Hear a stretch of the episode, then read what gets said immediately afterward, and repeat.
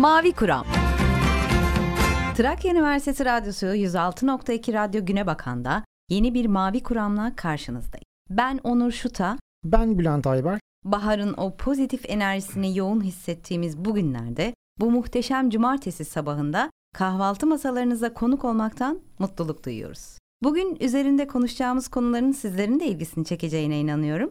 Öncelikle sizleri 700 yıl öncesine götüreceğiz. Hansa Ticaret Birliği'ni korumak için kullanılmış Tallinn'de ortaya çıkarılan bir savaş gemisi kalıntısı üzerine konuşacağız biraz. Sonrasında da bir arazi sanatçısı olan Amador'un kaligrafiden esinlenerek kum üzerinde gelgit dalgaları arasında çizdiği desenlerden bahsedeceğiz. Sonrasında Rotterdam Denizcilik Merkezi üzerine konuşup ve son olarak da Foggini'nin tasarladığı Amare isimli ilgi çekici mobilyalarla yayınımızı tamamlayacağız. Evet, ilk başlığımıza devam edelim. Bülent Hocam bildiğim kadarıyla Tallinn bir zamanlar tamamen sular altında bir kentti. Evet. Böyle bir kentin tabii ki denizin altından bir savaş gemisinin kalıntısı çıkması kadar olağan bir şey olamaz ama burada şaşırtıcı olacak şey sokağın ortasından böyle bir savaş gemisinin kalıntılarının çıkması. Çok dikkat çekici gerçekten. Biraz bu geminin özelliklerinden bahsedelim mi? Tabii elbette. Söylemiş olduğun gibi bu bölge bir zamanlar tamamıyla bütünüyle sular altında olduğu arkeologlar tarafından biliniyor zaten. Bu nedenle geminin de özellikle Tallinn limanının yakınında ve günümüzde var olmayan artık varlığını kaybetmiş olan bir ırmak olan Hryabea ırmağının ağzına yakın bir yerde bulunduğu belirtiliyor. Öte yandan şunu da söylemek gerekir ki 2008 yılında bu söz konusu batıktan yaklaşık olarak 50 metre kadar uzaklıkta daha başka bir tarihi enkaz daha bulunduğu yine basında yer alıyor. Ben bu arada araya girmek istiyorum. Şimdi dinleyicilerimizin belki bilgisi olmayabilir. Hansa Ticaret Birliği'ni e, korumak amacıyla yapılmış bir gemi bu. Biraz bu Hansa Ticaret Birliği nedir ondan bahsetsek mi? Tabii elbette ki çok iyi olur. Hansa Birliği'ne baktığımız zaman 13. yüzyılda deniz ticaretiyle uğraşan Alman tüccarların ortak ekonomik çıkarlarını gözetmek amacıyla kurmuş oldukları bir ticari örgütlenme olarak karşımıza çıkıyor. Özellikle Baltık Denizi başta olmak üzere çoğunlukla Kuzey Avrupa kıyılarında bulunan 225 şehrinde ticari amaçlarla bu birliğe katıldığını görmekteyiz.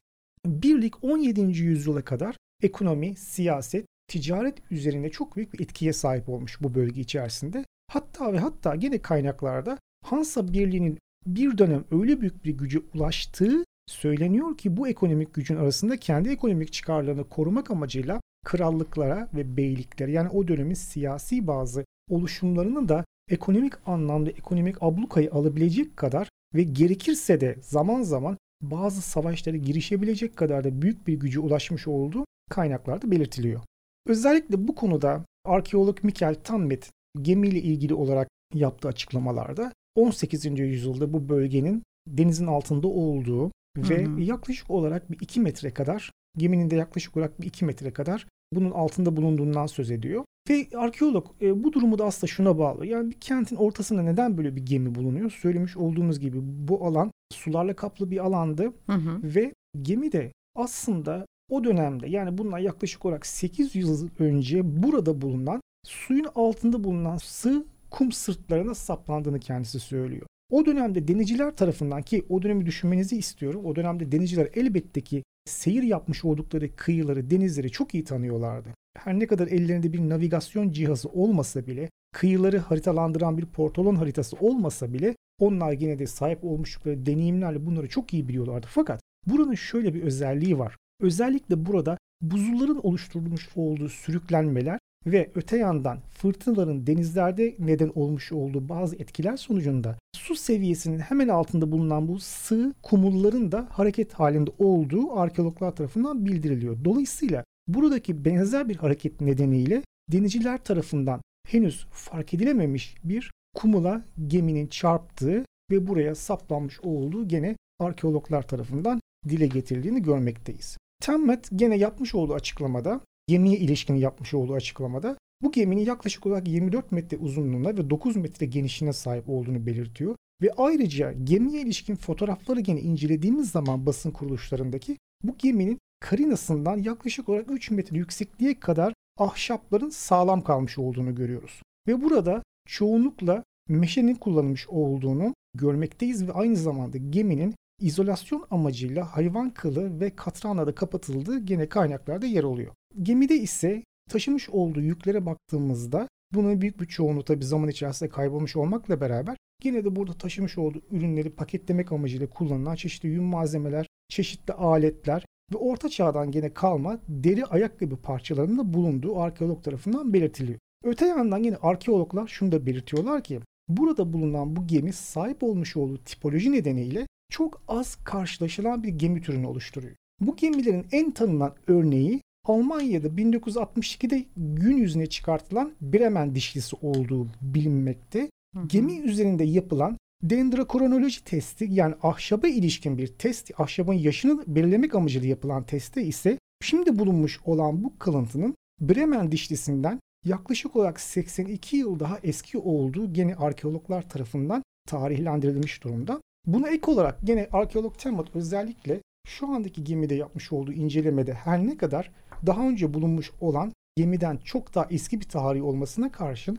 Hansa dişlisi olarak adlandırılan bu gemi tipinin Bremen dişlisinden çok daha iyi durumda olduğunu kendisi yaptığı açıklamada belirtiyor. Evet, oldukça dikkat çeken bir konu başlığı oldu benim için. Ben de bilgi sahibi değildim bu konuda. Bu bilgiden sonra ben aslında size çok değişik bir şey soracağım şu anda. Size soracağım çünkü ben gerçekten çok üzülürdüm böyle bir soru bana sorulsa. Üzerinde uzun saatler harcayarak tüm emeğinizi ortaya koyduğunuz ve elde ettiğiniz bir eserin ya da bir ürünün saniyeler içerisinde yok oluşunu görmek size nasıl hissettirirdi Bülent Hocam? Ben kendi adıma söylemem gerekirse gerçekten ben çok üzülürdüm böyle bir şeye. Değil mi? Ben de çok üzülürdüm. Çünkü zaman ve emek verdiğimiz her şeyin kalıcı olmasından yanayız. Ama bence Amador böyle düşünmüyor. Bir arazi sanatçısı Amador. Hiç böyle düşünmüyor. Düşünmediğini de bu haberle vurgulayacağım birazdan. Bir arazi sanatçısı olduğundan bahsetmiştim az önce. Ve 2004 yılından bu yana da San Francisco'da fraktallerden esinlenerek kumun üzerine organik desenler çizen bir arazi sanatçısı. Ve bu desenlerle de geçicilik ve sonsuzluk duygusunu vurguluyor adeta. Ancak üzücü olan gelgit sürelerinin el verdiği zaman dilimi içinde üretilen bu büyük ölçekli ayrıntılı kum desenleri yapıldıkları zaman diliminin hemen ardından çoğunlukla da daha desenler tamamlanmadan ne yazık ki denizin yeniden yükselmesiyle birlikte sonsuza kadar ortadan kayboluyormuş. Son 15 yıl içinde dünyanın farklı yerlerinde bulunan kumsallar üzerine binin üzerinde desen çizmiş Amador, gerçekleştirdiği bu geçici arazi sanatında kaligrafiden ve antik mimarlıktan esinlendiğini görüyoruz. Kendisi de bunu söylüyor zaten. Amador, kum üzerinde sadece tırmık kullanarak bu desenleri çiziyor ve çizdiği desenlerle de iki farklı ton elde ediyor. Ve denizin çekilmesi sırasında denizin suyuyla ıslanmış kıyının kendisi kadar büyüklükte bir tuval ortaya çıktığını, kısa süre içinde kumsalın üst yüzeyi ıslaklığını biraz kaybederken yüzeyin altının ıslaklığının hala koruduğunu söylüyor ve böyle bir yüzey üzerinde de fırça vuruşları işlevi gören tırmığın kumsal üzerinde çizgi izleri bıraktığı anda açık ve koyuluk dengesinin oluştuğunu belirtiyor.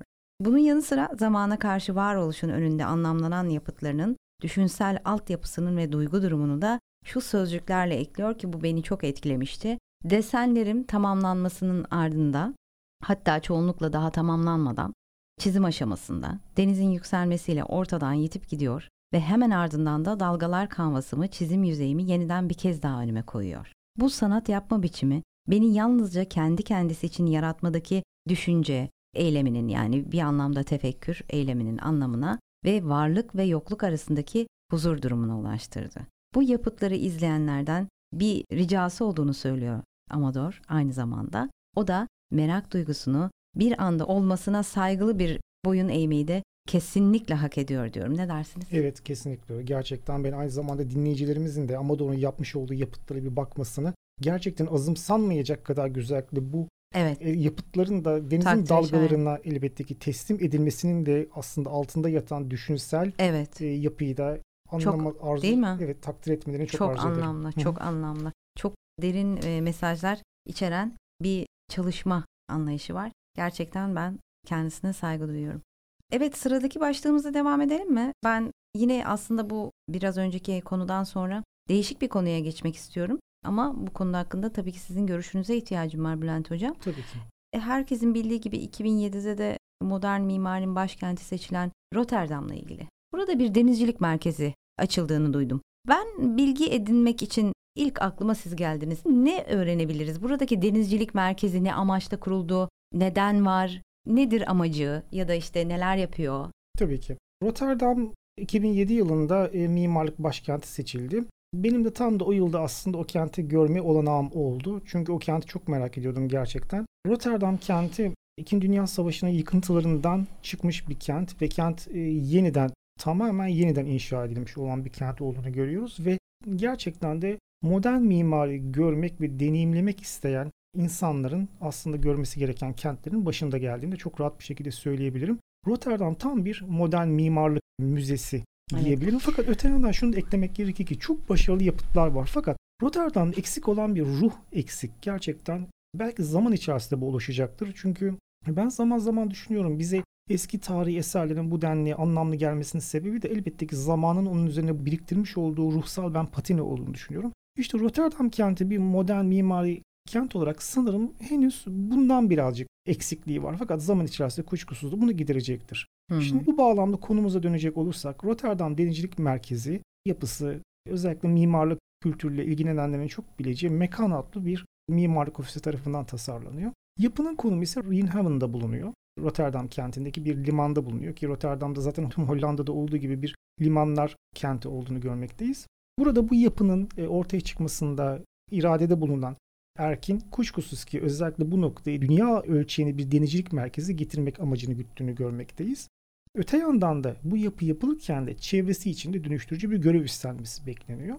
Yapıya baktığımız zaman söylemiş olduğum gibi Rotterdam gerçekten çok ileri düzeyde modern yapıların bulunmuş olduğu bir kent. Fakat bu yapı ise sahip olmuş olduğu biçimsel anlayışla hemen çevresinde bulunan yapılı çevreden çok farklı bir şekilde daha çok organik bir biçime sahip olduğunu görüyoruz ki bu anlamda da bir karşıtlık oluşturuyor zaten çevresiyle. Hı hı. Yapı uluslararası denizcilik dünyasının geçmişini, tarihini, bugününü ve öte yandan da geleceğe yönelik olan beklentilerini betimleyen, bunları biçimsel olarak somutlaştıran, iç içe geçmiş olan 3 adet televizyon yapıdan oluşuyor. Burada hem denizcilik iş kolundaki gerçekleştirilecek olan girişimlerin, deniz bilimlerinin ve denize ilişkin kültürel etkinliklerin çatısı altında toplandığı bir merkez olması planlanıyor. Evet. Fakat her ne kadar böyle kurumsal bazı girişimlerin merkezi olması amaçlanıyor dahi olsa yapı aynı zamanda halkın kullanımı da açık bir şekilde planlanmış. Burada gezen insanlar çevredeki liman manzarasını seyredebilecekler.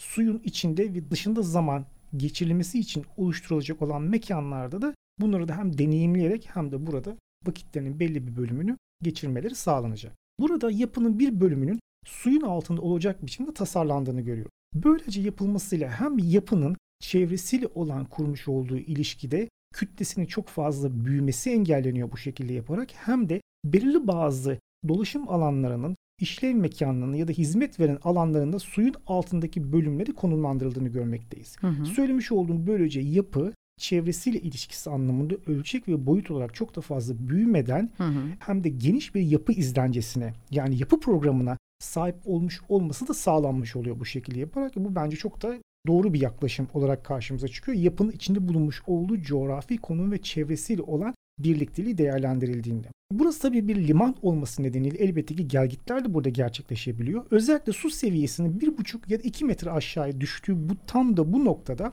yapının su altında kalan bölümleri suyun çekilmesiyle beraber dışarıdan görülebilir hale geliyor. Bu da elbette ki tasarımcının planladığı bir şey. Sonradan sürpriz bir şey değil kuşkusuz bu.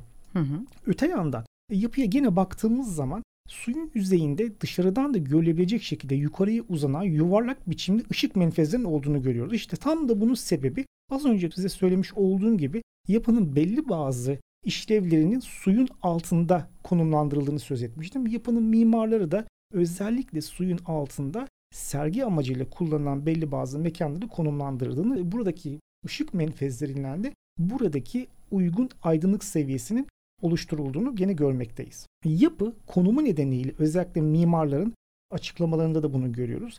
Yapı özellikle çevresindeki dolaşım alanlarıyla kurmuş olduğu bağ açısından da bizim için çok önemli olduğunu gene buradaki yapılan açıklamalardan görmekteyiz. Resimlerine baktığımız zaman da yani renderlarına baktığımız zaman da yapıyı adeta bir kurdele gibi sarmakta olan dolaşım alanlarını görüyoruz. Çünkü yapıyı kurgulayan tasarımcılar aynı zamanda yapının çevresiyle bağını biçimsel olarak kurmamışlar. aynı zamanda kullanıcıdan da yapıyı görmeleri, yaklaşmaları, çevresinde dolaşmaları hatta bu yol aracılığıyla yapının içerisine kadar girebilmelerini de sağlamış olduklarını görmekteyiz. Bölgenin geleceğine yönelik ise şöyle bir yaklaşım biçimi var. Gelecekte Rain Haven'ın burada suyun çok daha fazla kullanılacağı planlanıyor ve öte yandan da limanın farklı etkinlik türlerini olanarak verecek biçimde planlanması geleceğe yönelik olarak düşünülüyor. Bu nedenle de bu bölgenin baştan başa bir dönüşüm geçireceği de gene öngörülüyor.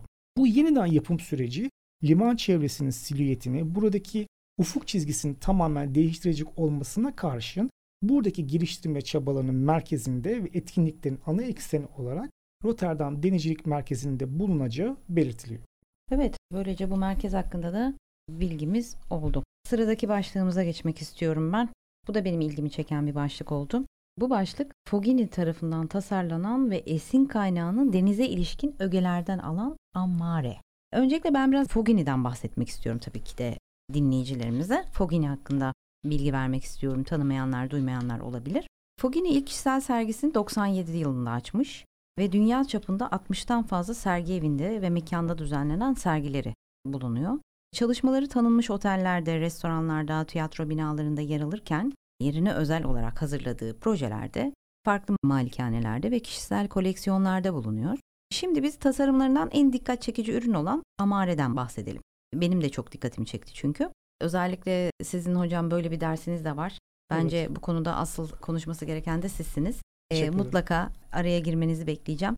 Mobilyayı adlandırmak için amare kelimesi seçiliyor. Bunun anlamı İtalyanca'da aslında deniz anlamına gelen mare ve aşk anlamına gelen amare sözcüklerinin bir araya getirilmesiyle üretilmiş bir sözcük. El yapımı saf polikarbon çubuklardan üretilmiş bir mobilya. Mavi renkli saydam ton değerlerine sahip bir koleksiyon. Açık alanda da kullanılabilecek oturma birimlerinden ve farklı boyutlardaki masalardan oluşuyor. Ne kadar enteresan aslında hani deniz deyince aklımıza işte deniz kabukları gelir, işte deniz yıldızları gelir, işte balık falan gelir. Ne kadar enteresan değil mi? Ne düşünüyorsunuz? Evet aynen öyle. E, genelde biliyorsunuz hep bunu çok sık karşılaşırız. Dinleyicilerimiz de eminim ki buna çok sık karşılaşmışlardır. Denize yönelik herhangi bir mekan, bir mobilya olduğu zaman mutlaka ya onun tasarımcısı ya da bir şekilde kendi sahip olmuş olduğu biçimsel altyapıyla herhangi bir mekanı oluşturmaya çalışan bir kullanıcı mutlaka deniz dendiği zaman oraya ya bir dalga koyar. Evet, ya, evet. Ya bir mavi renk koyar, ya bir balık koyar, ya bir balıkçı ağı koyar. o bağlamda aslında bu mobilya çok dikkat çekici. Çünkü biz öğrencilerimize hep hocam biliyorsunuz hep konsept kavramından söz ediyoruz. Evet. Ve genelde de elbette ki konseptin çözülmesi ve onun biçimselleştirilmesi gerçekten başlı başına bir problematiktir aslında tasarım sürecinde. Fakat burada tasarımcımızın yaptığı şey çok ilginç. Çünkü kendisi herhangi bir doğrudan doğruya bir dalga kullanmadan hı hı. denize atıfta yaparak böyle bir mobilyayı ortaya çıkartması gerçekten bence tasarımcıların şöyle bir üzerine düşünülmesi gereken bir nesne olarak karşımıza çıkıyor. Evet ben buradan merak edenlere de denizcitoplum.com sitesine girerek mutlaka görsellerini görmelerini tavsiye ediyorum. Evet. Ee, çok ilgi çekici gerçekten ürünleri. Açık alanda kullanılabilecek sandalyeler, koltuklar, şezlong, kahve masası ve masalardan oluşan bir koleksiyon ortaya çıkarmış. Katılaşmış su gibi gözüken nesneler ve bu nesnelerin çevresel ışık kaynağı aracılığıyla kendi yakın çevresine etkileyici yansımalar dağıtması ana fikrine dayanan bir çalışma. Evet bu da çok ilginç gerçekten. Çok ilginç gerçekten. Öte yandan mobilyalar üretildiği gerecin renk ve doku gibi özellikleri nedeniyle de suyun içine daldırıldığında da suyu içinde kaybolma sanısı oluşturuyormuş. Ne Hı-hı. kadar değil mi değişik? Evet, evet o da çok ilginç evet, gerçekten. Evet çok daha önce rastlamadığımız bir çalışma bence. Mutlaka denizcitoplum.com sitesinden görsellerini görmelerini tavsiye ediyorum tekrar dinleyicilerimize. Denize ilişkin ögelerden esinleniliyor bu mobilyalarda ama buna rağmen kent bahçelerinden havuz kenarına, bir dağa bakan balkondan kırsal bir bölgedeki verandaya kadar farklı yerlerde uygun kurulumlar içinde düşünülmüş. Ne kadar kırılgan bir görünüme sahip olsa da aslında mobilyonun konstrüksiyonu gerçekte çok sağlam, esneyebilir ve dayanıklı fiziksel özelliklere sahip. Öyle hemen deforme olacak, kırılacak, bozulacak bir malzeme ya da mobilya da değil. Tasarım özünde polikarbonat çubukların hem yatay hem de dikey olarak konumlandırılması ve düzenlenmesiyle oluşuyor.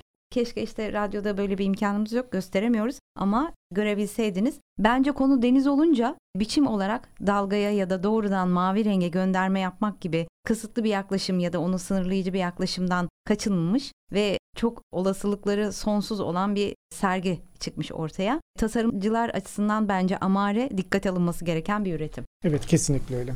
Evet, bugünkü yayınımızın Mavi Kuramı'nda yine sonuna geldik. Bugünkü haberlerimizin de size keyif verdiğini, dikkatinizi, ilginizi çektiğini umut ederek yayınımızı tekrar sonlandırıyoruz. Bir sonraki cumartesi yine saat 11'de Trakya Üniversitesi Radyosu Radyo Güne Bakan'da yeni bir Mavi Kuram'la karşınızda olmak üzere. Sevgiyle kalın. Görüşmek üzere.